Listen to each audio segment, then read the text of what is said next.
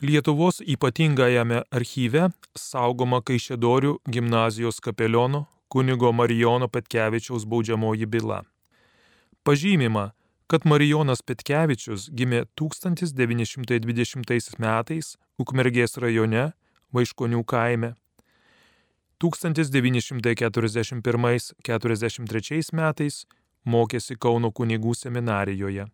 Išvendintas į kunigus, paskiriamas vikarauti į Kaišėdoris.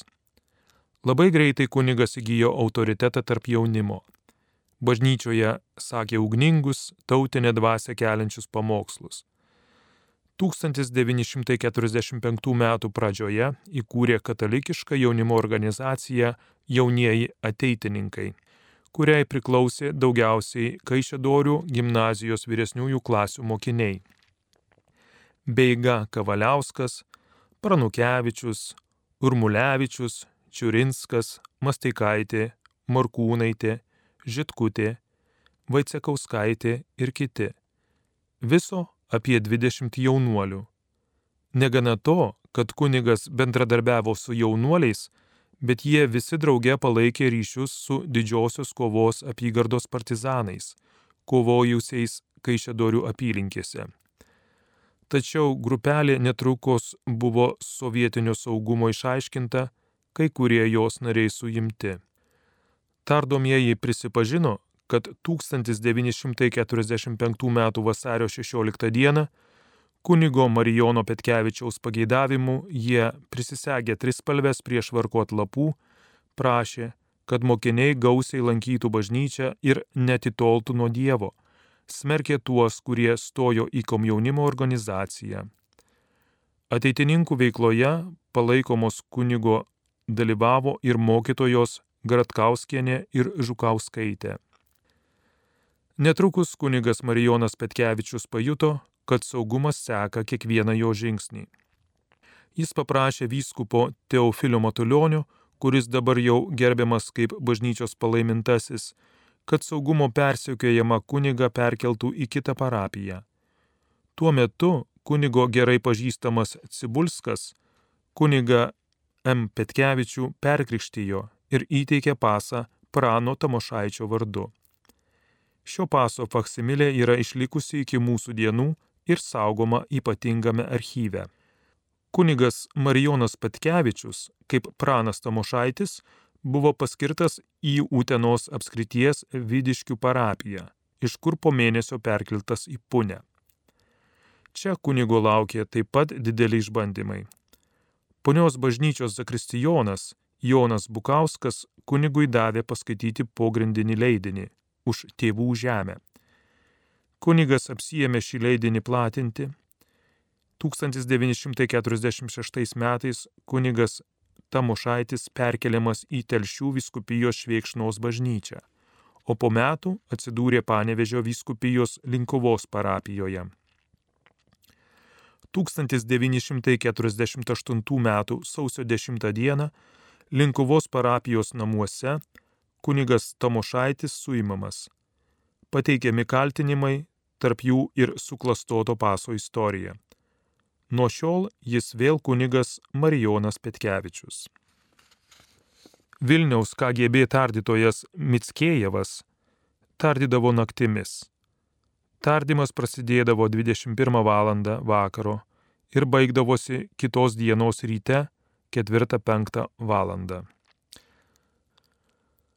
Kunigas buvo skriaudžiamas, gazdinamas ir visaip verčiamas prisipažino, kad 1946 metais punioje laidodamas miške žuvusi partizaną prie kapo dobės pasakė atsisveikinimo žodį. Pasakytą kalbą privertė parašyti raštu. Po tardymų 1948 m. pabaigoje kunigas Marijonas Petkevičius buvo nuteistas pagal kelis straipsnius 25 metams lagerių. Janina Ščenavičiūtė Repečkienė prisimena savo būsimą vyrą Stanislavą Repečką pažinojau iš vaikystės. Mes gyvenome kaimininėme kaime. Jis buvo išvežtas anksčiau, kai NKVD šlavė studentus. Dirbo kažkur šachtose. Atvežus jo tėvus, Antaną ir Elžbietą Repečkas, atvažiavo ir jis. Tada mūdu dar labiau susidraugavom, po pusmečio susituokėm. Mūdu sutuokė kunigas Mykolas Marijonas Petkevičius. Jaunas, gražus, garbanotais plaukais kunigas. Po penkių septyniarių metų kalinimo jį paleido iš kalėjimo ir leisdavo lankyti lietuvius. Pradžioj kunigas pasiskundė, kad neturi kur laikyti švenčiausiojo. Tai mūsų vyrai rado šiukšlynę tuščią žuvų konservų dėžutę, išplovė ir nuo to karto kunigas vežiodavosi švenčiausiai toje dėžutėje. Išgirdę apie mūsų kunigą, graikai, kalmukai, kitų tautų, kito tikėjimo žmonės ėmė prašytis pas jį. Mes paklausėm jo, ar galima, o jis atsakė, aišku, jei tik pageidauja. Taigi, kunigas buvo dėmesingas įvairiems žmonėms, kad tik jie artėtų prie Dievo. Važiavo, lankė, laimino. Kunigas Mariukas, kaip kuniga Marijoną Petkevičių meiliai vadino bičiuliai, buvo vienas žymiausių pokario metų Kaišėdorių viskupijos sielovados darbininkų. Puikus administratorius, vėliau artimas vyskupo Vincentos Latkevičiaus bičiulis ir patarėjas. 1956 m. vasario 23 d. kunigas Marijonas Petkevičius grįžo iš lagerio, kuriame išbuvo septynerius metus, dešimt mėnesių ir keturias dienas buvo išleistas į tėvynę Lietuvą. Grįžęs į Lietuvą dar kunigavo dusmenų, birštono ir stakliškių parapijose. Tačiau vis dar buvo saugumo sekamas, kai kada gazdinamas. Mirė 1987 m. birželio 23 d. Palaidotas Bagaslaviškio bažnyčios šventoriuje.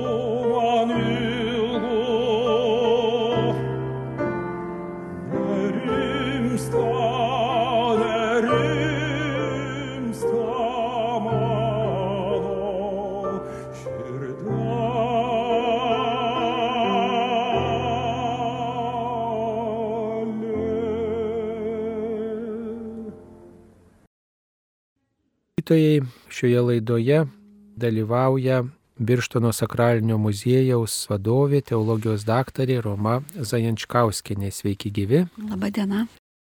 Mėla Roma, jūs sakralinėme muziejuje darbuojatės pristatydama palaimintai Teofilių Matulionį, vieną iškiliausių Kaišėdorių viskupijos, o taip pat ir visos Lietuvos dvasininkų. Tačiau be Teofiliaus Matulionio, kuris buvo arkivyskupas dabar jau palaimintasis, Kaišėdorių viskupijoje darbavosi ir kitų iškilių kunigų, kurių vardų turbūt ne visi mes prisimenam, ne visi ir žinome. Vienas iš tokių yra Marijonas Petkevičius.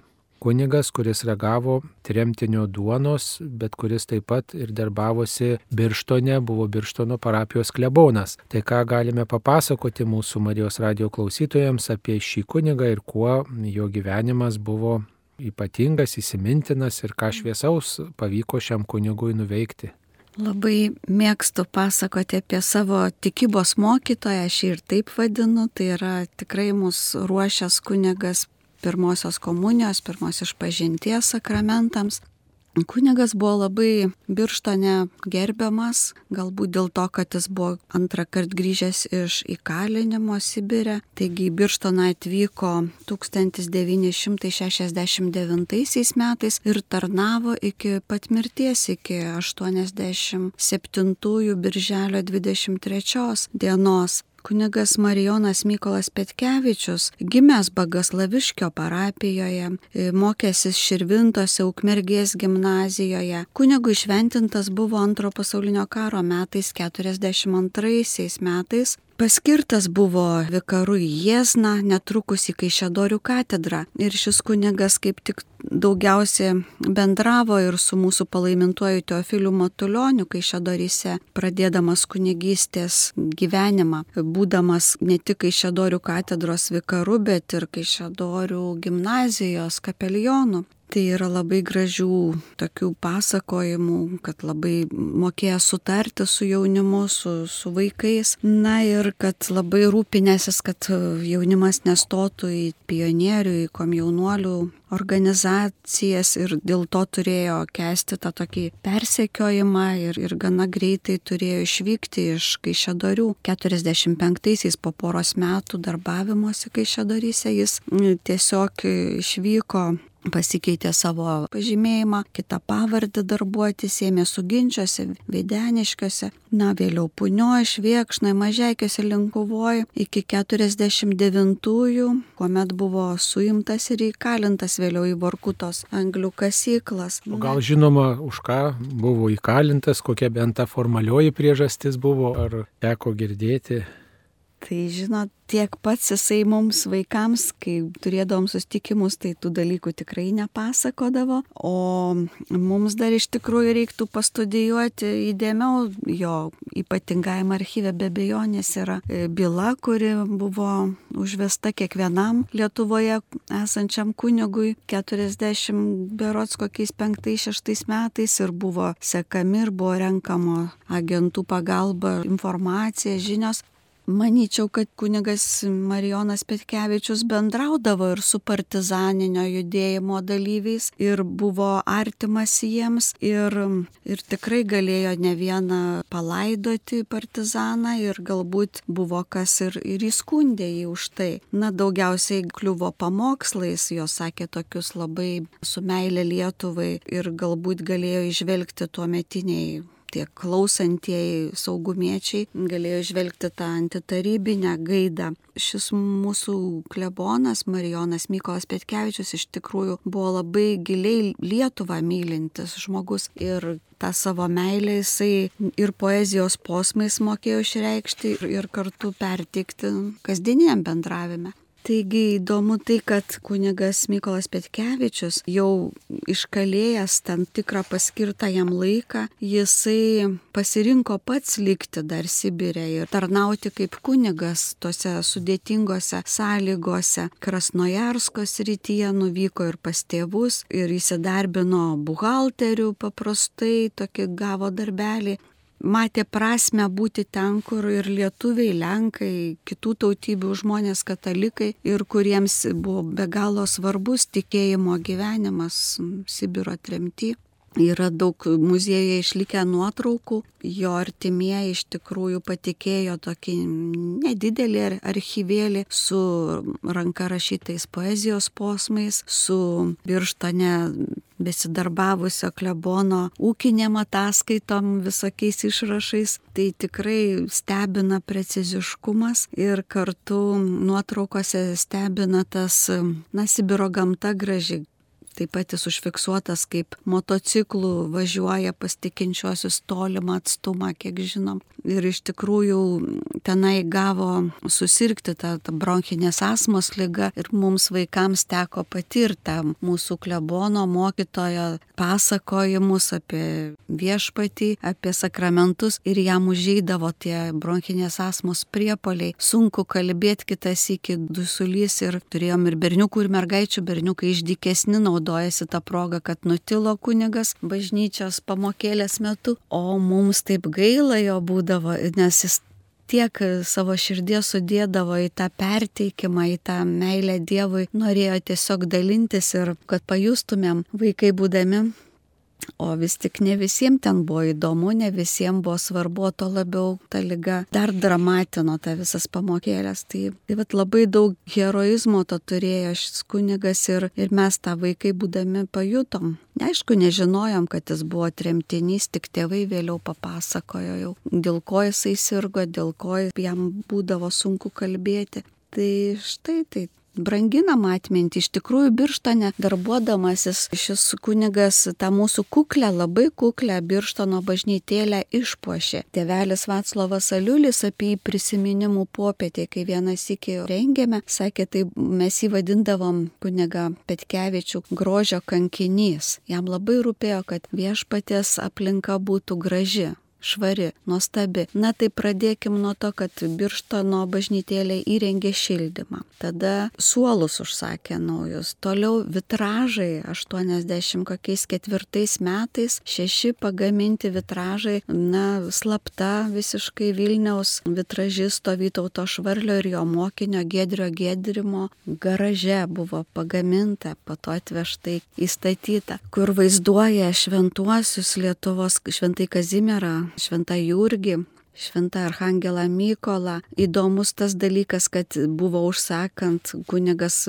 Petkevičius parinko naujųjų laikų šventai Maksimilijoną Kolbę pavaizduoti, naujųjų laikų kankinį. Na ir aišku įdomu tai, kad dar ir visai nešventieji pavaizduota mūsų birštono vitražuose, tai kunigaikščiai didieji Mindaugas ir Vytautas ir švietėjai viskupai rūpėjo tuos šviesiausius Lietuvos asmenis kunigui Petkevičiui jamžinti bažnyčios istorijoje, kad atėję žmonės matytų ir įkvėptų ne tik tai kažkokie šventieji, bet ir tie, kurie prisidėjo prie krikščioniškos Lietuvos ir prie tikėjimo sklaidos. Dar minėjot, kad rašė poeziją kunigas Petkevičius ir netgi išleista jo knyga Karalius man paliko kelią. Seniau, kai sovietmečiu, dar turbūt ir nepriklausomos Lietuvos, pradžioje, kai kunigas sakydavo pamokslus, būtinai turbūt būdavo geras tonas įdėti į pamokslą poezijos. Ar kunigas Marijonas Petkevičius taip pat įdėdavo į savo pamokslus poezijos? O taip. Mums vaikams, žinot, tai nu, dabar tai galim suprasti vaikus, esant jau užaugusiems labai viskas aišku, ilgi pamokslai vaikam nepatinka, jie nelabai įsigilina, nesupranta, bet iš tikrųjų suklusdavom, ta poezija priverčia vis tiek kažkokius simbolius išgirstus, pagalvot, kodėl kunigas juos pasakė. Tikrai mėgdavo, mėgdavo, kunigas Petkevičius pamokslai būdavo tokie gilus ir, kiek pamenu, paivairinti su poezija, su filosofinė kokia mintim. Bet poezija būdavo jo, kad jisai savo kūrybos eilėraščių pasakė. Manau, kad ne visada savo poeziją skaitydavo, mėgdavo ir tokius įžymesnius autorius pacituoti. Gal kaip tik sakyčiau, jisai turėjo tų tikriausiai mėgiamus savo autorius ir daugiau juos įterpdavo. Klausydavosi ir suaugę, ne tik tai vaikai, ir poezijos, ir ilgesnių pamokslų, ar iš tėvų esat girdėję kažkokiu atsiliepimu, ar kažkokią mintį, vat, pasakydavo, pakartodavo savo. Tėvai visada grįžę iš bažnyčios turi perpasakot pamokslą, kokį nors tą mintį esminę. Tokia tradicija, nežinau ar kiekvienoje, bet mūsų šeimoje būdavo, jeigu tėtis dirbo tą sekmanį, sakykime, tai mama būtinai vis tiek papasakos, ką išgirdo. Tai vad po šiai dienai dar išlikė toksai, nu ką sakė klebonas. Tų minčių, žinot, per laiką tai jos kažkaip išdyla, nu, bet labai išlikęs tas toks šviesus, na, prisiminimas, kad kunigas gyvendavo, na, vien vienam gale priekė, ten Birštono jaunimo gatvėje, o bažnytėlė senamesti yra. Bet tai kai jis eidavo į pamaldas, jo taori eisena, tas toksai iškilmingumas. Ir su juo bendraujantieji tai visuomet pastebėdavo, kad, na, kažkas tai tokio, nu, nepaprastos, to kunigu pašnekėjus geriau tapdavo žmogui. Tokių yra, daugelio ir dabar dar birštoniečių prisiminimuose, na, mylimas šitas labai atminimas ir labai visi gailisi, kad jis taip toli nuo Birštono palaidotas. Jis palaidotas Bagaslaviškyje prie gimtosios bažnytėlė šventoriuje. Sudėtinga nuvykti ten. Iš tikrųjų atėję muziejuje prašo, kad būtų ekspozicija jam parengta, nes jis tikrai Birštone daug atliko gražių dalykų, jau kaip bažnyčios sutvarkime ir procesijų dalyvių drabužiai buvo nauji užsakyti, pasiūti tautiniai drabužiai. Na ir choras buvo tuo metu, kai kunigas darbavosi, tai be, be, berods 30 žmonių choras gėdoja. Na ir daug gražių šviesių prisiminimų po šiai dienai, nors jau kunigo nebėra, to sakysim, 50 metų, bet, bet išlikęs, išlikęs prisiminimas. Kunigas darbavosi sovietmečiu, mirė 1987 metais, tada nebuvo tokios didelės galimybės bendrauti su žmonėm, bet gal vis tiek būdavo tam tikrų progų ar per laidutuvės, ar galbūt neformalių tokių akimirkų buvo, kai teko matyti ar girdėti, kaip jis bendrauja, arba iš tėvų gal kažką girdėjot, kaip kunigas bendrauja. Tai žinot, kunigas visada prieinamiausias būdavo savo klebonijoje. Kiek aš žinau, tie laikai buvo tokie, kad ir vaikus krikštyti, naujagimius buvo, jie nešami į kleboniją tiesiog vakarais, kai, kai niekas negali pasiekti, susekti. Tai ir mano pačios brolis 77-aisiais buvo taip krikštiemas ne bažnyčiai, ne viešai, kažkaip iškilmingai, bet vat vėlai vakare su krikštatėviais nueita pas kleboną ir tiesa yra nuotrauka, viena kita yra. Tai bendraudavo tokiu būdu, aš manau, dažniausiai. O gal teko girdėti, ar vėliau gal kažką girdėjot, kaip saugumas tikriausiai sekė tuos buvusius tremtinius ir tuos, kurie ne tik tai buvo patys tremtiniai, bet ir apaštalavo tarp tremtinių. Tai tiesiog buvo gal ir toks pavojingas sovietiniai valdžiai kunigas Marijonas Petkevičius. Gal jį ir stebėjo kažkaip, kaip ir kitus kunigus. Aš Manyčiau, kad taip. Yra netgi žinoma, kad saugumo užverbuotas agentas buvo Zakristijonas, netgi taip. Ir pavyzdžiui, korespondencija, kuri buvo skirta klebonui, dekanui, stakliškių dekanatui ir dekanu buvo nuo 83 metų kunigas Petkevičius, tai korespondencija buvo siunčiama kažkodėl tai būtent pas tą Zakristijoną į namus, jis šalia bažnyčios gyveno ir tik po to jis atneždavo klebonui. Tai jau apie sėkimą čia viskas pasakyta, ar ne? Tikrai buvo sekamas iki mirties ir buvo žiūrima, kas atvyksta, kokie svečiai kunigai, pas kuriuos jis važiuoja. Bet šiaip pasižymėjo kunigas Petkevičius tokiu dosnumu, draugiškumu tarp ir su bažnyčios tarnais. Tenka išgirsti dabar dar kai kurie jau garbaus amžiaus, bet dar gyvų yra, taip didžiosiom šventėm visada būdavo dovanėlės iš klebono, visada bažnyčios tarnai apdovanojami nepaisant atlyginimo mokėjimo. Tai va tie irgi labai tą jo dosnumo savybę, tą dalinimuose iškelia ir džiaugiasi. Na tai taip manau, kad jisai buvo sekamas, tačiau nebijojo rašyti straipsnių ir gana tokių solidžių į rūpintojėlį, pavyzdžiui, yra išlikę publikuota naujam netgi na, leidiniai rūpintojėlio. Ir vienas kitas kunigo Marijono Petkevičiaus straipsnis yra apie Teofilių Matulionys, kaip tik tik par parengė gudžių sovietmečio metu. Taigi, būdamas šviesaus mąstymo, literatūriškai toksai išprusęs, apsiskaitęs žmogus, jisai norėjo save išreikšti ir, ir tą darė, nepaisydamas sąlygų. Jis toks žodžio žmogus buvo ir ilgesni pamokslai, ir poezija domėjosi, ir kitų poezija, ir pats parašė poezijos knygelę, kuri vėliau išleista, jau nepriklausomos Lietuvos laikais išleista atskira knygelė jo poezijos posmai. Gal kažką galime pasakyti apie jo biblioteką biblioteką, ar buvo daug tų knygų, ar turėjo kažkokių retesnių leidinių, gal kaip vaikas girdėjote, o gal vėliau už kažkokių kitų šaltinių žinote? Na, žinot, kiek man žinoma yra jo biblioteka, jo, jo visas būties, visi sukaupti leidiniai, viskas iškeliavo į Širvintas pas seserį, kurisai buvo slaugomas paskutinius kokius du mėnesius, 87-aisiais. Jis iš tikrųjų nebuvo iš tų žmonių, kurie kauptų kažką tai labai daug, tačiau be bejonės knygas geras vertino kaip šviesų žmogus. Tai ko gero dar ir gali būti ir iki šios dienos pas giminaičio širvintose jo ir, kiek žinau, ir rašomas stalas ir jo knygų lentynos. Pas mus vienas kitas asiuvinys, tik tai atkeliavęs per seselės vienuolės, bičiulės kunigom Petkevičiaus Tai vad galėčiau pacituoti net vieną tokį jo prieš Velykas rašytą tokį apmąstymą, gal 57 metais iš Sibiro tremties, laiškė greičiausiai, kaip jisai savo įvardijo tas dienas. Citata. Mano dienos aprimo, reikėjo ištverti nervų karą, dabar apsiprato su mano egzistavimu, nepaliauju dirbti ir nemanau apleisti Sibiro ir jo pastoracijos. Čia reikia mums būti, tai per daug aišku, tai būtų nusikaltimas Kristaus žygiui, krikščionybei. Man atrodo, kad krikščionybė yra pakankamai heroizmo ir todėl ji gyva.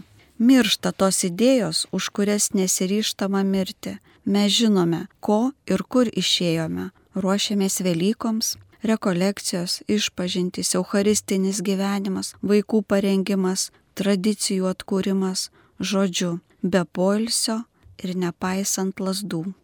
Čia tokia ištrauka, kuri labai vaizdžiai įvardyja tą idealizmą ir tą motyvą, kad kunigas gyvenime, kur betarnautų, jisai matė tiesiog gyvą reikalą ruošti vaikus ateičiai, tęsti krikščioniškos tos tradicijos gyvastingumą, na ir visiškai nepaisit, ar tu esi sekamas, ar tu esi prižiūrimas saugumiečių, ar tu galbūt net mušamas, kaip jisai čia išsireiškia, lasdomis. Įspūdingas dalykas, kad jis galėdamas būti laisvas jau galėjo grįžti į Lietuvą arba jeigu į Lietuvoje čia kokių sunkumų būtų, tai kažkur kitur, bet netremti, bandyti grįžti į bažnyčios gyvenimą ir teikti sakramentus, bet jis pasirinko pasirinko grįžti ne į Lietuvą, bet e, į tremtinių kraštus, į Krasnojarską, reiškia į Sibirą važiavo tam, kad e, galėtų paštalauti, paštalauti tarp tremtinių.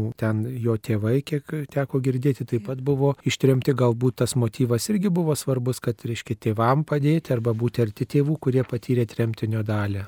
Taip, greičiausiai pirminė ta priežastis, kad būti šalia tėvų jiems pagelbėti garbaus amžiaus, bet pamatė, kad iš ties kunigų e, Sibiro tremtyje yra labai mažai, nu, mažai ta prasme, kad ir išblaškyti, ir atstumai dideli, o jausdamas, kad jis dar jaunas pakankamai, jam 36 tikrai laikė save labai tokiu pilnu dar jėgų ir gali savo leisti važinėti per šalčius Sibirė motociklu, tai pastikinčiuosius, tai vat norėjo būti naudingas, reikalingas kaip ir daugelis šviesių Lietuvos žmonių, kunigų, kurie pasirinkdavo tarnauti ten, kur sunkiausiai, ar ne? Kas įdomu, kad ir dar dėl to, kad pasiliko Sibirė, kad dirbo tą pastoracinį darbą, taip pat buvo nuteistas. Tas nebuvo priimtina sovietų valdžiai, kad jis negrįžta į Lietuvą, nors gali tą daryti, bet nepriimtina buvo tai, kad jis daro pastoracinius darbus, lanko žmonės, taip, tremtinius, tiesiog ir dėl to dar irgi nukentėjo. Tai vad 59-aisiais buvo nubaustas, kad neturėdamas leidimo Krasnojarskos ryties teismas teismas dviem metams atėmė laisvę ir bausmę atliko. Tai šetė, rašoma, tai baldų fabrike dirbdamas turėjo dar na, sunkiai dirbti už tą savo pastoracinę veiklą. Toksai mokinys, Kristaus mokinys, Kristaus sekėjas, kuris net ir tokiom aplinkybėm rūpinosi ne savo išlikimu, bet kaip skleisti tikėjimo žinę tiem žmonėms, kurie nukentėjo dėl tikėjimo arba dėl to, kad mylėjo Lietuvą, laisvą Lietuvą ir ją gynė. Taip pat reikėtų pasakyti, kad kunigas Mykolas Marijonas Petkevičius buvo tas, kuris rūpinosi partizanų atminimu. E, ne tik tai laidojo partizanus ir turbūt irgi dėl to nukentėjo galbūt tas areštas pirmasis buvo viena iš priežasčių galbūt ta, kad jisai palaikė ryšius su partizanais ir taip pat pagerbdavo tuos mirusius, bet turbūt ir vėliau jisai domėjosi tų partizanų palaidojimo vietomis ir bendrai jų atminimo įamžinimu, tik tiek, kad mirė 87 metais dar nesulaukęs laisvos Lietuvos. Ir mirė 67 metų, palyginus dar jaunas kunigas. Žinant, kad keliolika metų praleista šalčiuose, bausmės vietose, tai tas viskas sveikatai atsiliepia greičiausiai labai stipriai. Tai tiek šioje laidoje papasakojome apie kunigą Mykolą Marijoną Petkevičių, kai šėdorių viskupijos kunigą, kuris e, net ir ištremtas nenusiminė, bet e, tremtys skelbė tikėjimo žinę ir savanoriškai pasiliko tremtyje tam, kad galėtų skelbti e, Jėzaus mokymą Evangelijos žinę toli nuo Lietuvos ištremtiems tautiečiams ir visiems krikščionėms, net ir kitų tautybių žmonėms. Tegul drąsių ir atkaklių žmonių tikėjimas įkvepia ir mus. Ačiū visiems maloniems Marijos radio klausytojams. vienišas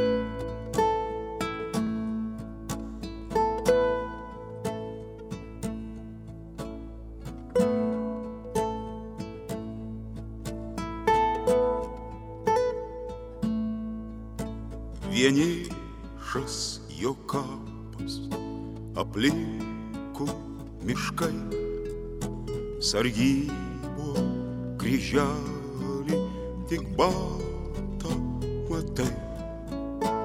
Oi lylia, oi lylia, oi lylia, lylia, sargyboj kryželį tik baltą matai.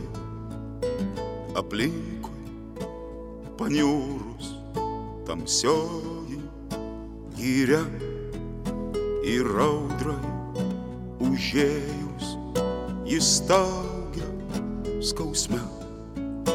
Oi lylia, oi lylia, oi lylia, lylia ir audrai užėjus jis staugia skausme bučiuoja gėlelės jo kapą švelniai, jam gėda paukšteliai gražiai ir ramiai.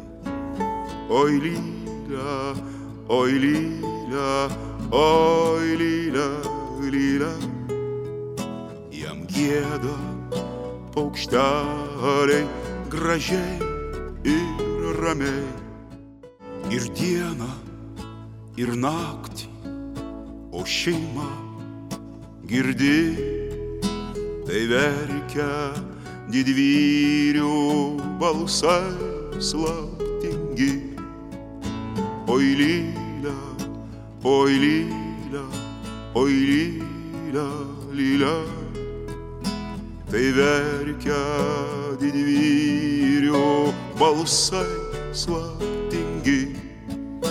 vis linksta prie kapo šakelės pušų, lyg motina verktų savųjų vaikų. Oi lylia, oi lylia, oi lylia, lylia, lyg motina verktų savųjų Kunigas Marijonas Petkevičius. Mintys Eucharistinių metų saulėje ir rūkuose.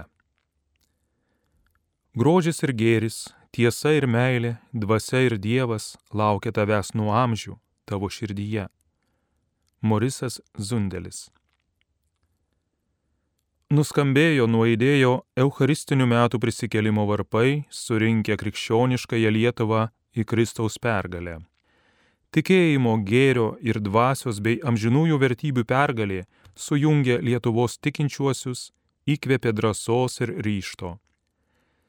Prisikelimas, atsinaujinimas, Eucharistija, įsišaknyjimas bei brandumas Kristuje visada yra mūsų gyvybės ženklas, tikras krikščioniškosios kultūros pagrindas, mūsų neišsenkamo ir realaus optimizmo gelmės ir šviesus krikščionybės toliai.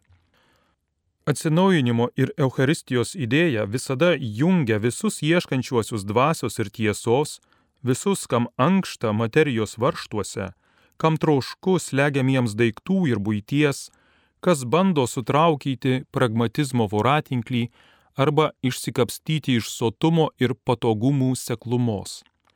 Daugelis mūsų epochos žmonių atsimeta nuo religijos krikščionybės nepaveikti ateizmo, o save tikindami, kad religija apsiriboja keletų išorinių pratybų, nepriimtinų jų pačių siekiams. Atsinaujinimo reikalas, kurį iškėlė Vatikano antrasis susirinkimas, tai mūsų drasus pripažinimas savo klaidų ir reali veiklos analizė, privalanti vesti į krikščionybės renesansą šviesiais eucharistinio gyvenimo laukais. Tik eucharistinis atgimimas įgalins mus pasiekti krikščioniškosios kultūros aukštumas, nuolat bręsti atsižvelgiant į Evangelijos idealus, išsiveršti iš ateistinės izolacijos bei priespaudos ir patraukliai bei gyvenimiškai liūdėti Kristų mūsų dramatiškoje epochoje. Dar niekada žmonijai nebuvo taip tragiškai reikalingas Dievas. Per mus, krikščionis, gyvenančius glaudžioje Eucharistijos vienybėje ir visus mylinčius išganomąją meilę, Kristus turi nužengti nuo aukštų altoriaus pakylų ir eiti vienoje gretoje su visais šiuo laikinio žmogaus interesais ir problemomis. Lietuvos krikščionybė, susidūrusi su kovingu ateizmu, išgyveno krizę. Deja, į šį susidūrimą ji atėjo nepasirengusi. Buvo sukurtas sovietų ateizmo baubas. Jam dažnai buvo suverčiamos savo pačių ignoracijos, siaurumo, pasyvumo ir strutiško nusiraminimo klaidos. Realybės numatymo, nuodugnios analizės toka išugdė siaurus, bailius dogmatikus ir įstūmė mus į stagnacijos seklumas. Buvo užmirštas krikščioniškas veržlumas, dalykiškas tikrovės įvertinimas, pasirengimas egzistuoti marksistinėje visuomenėje. Nesusiorientavimas, sutrikimas, baimė, ateistinės valstybės visiškas nesiskaitimas su elementariausiomis teisėmis ir sąmoningas persiekiojimas prislopino krikščionybės įtaką.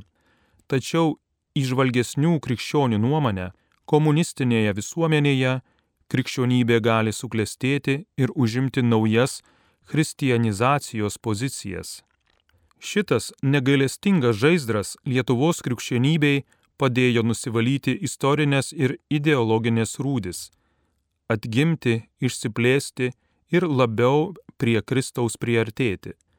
Todėl mums, Lietuvos tikintiesiems, atrodo, kad kai kurių senų, kartais ir jaunų kunigų, taip pat kitų krikščionių įdinga kova su ateistais yra kartojimas senų klaidų. Diegiant ateistinį baubą, piktai polemizuojant su atskirais ateistais, nusileidžiama iki netolerancijos, piktumo ir širkštumo. O juk esame mokiniai Kristaus, kuris žavėjo meilę, platumu ir noru nei vieno neatstumti nuo Dievo, nuo išganimo tikrovės.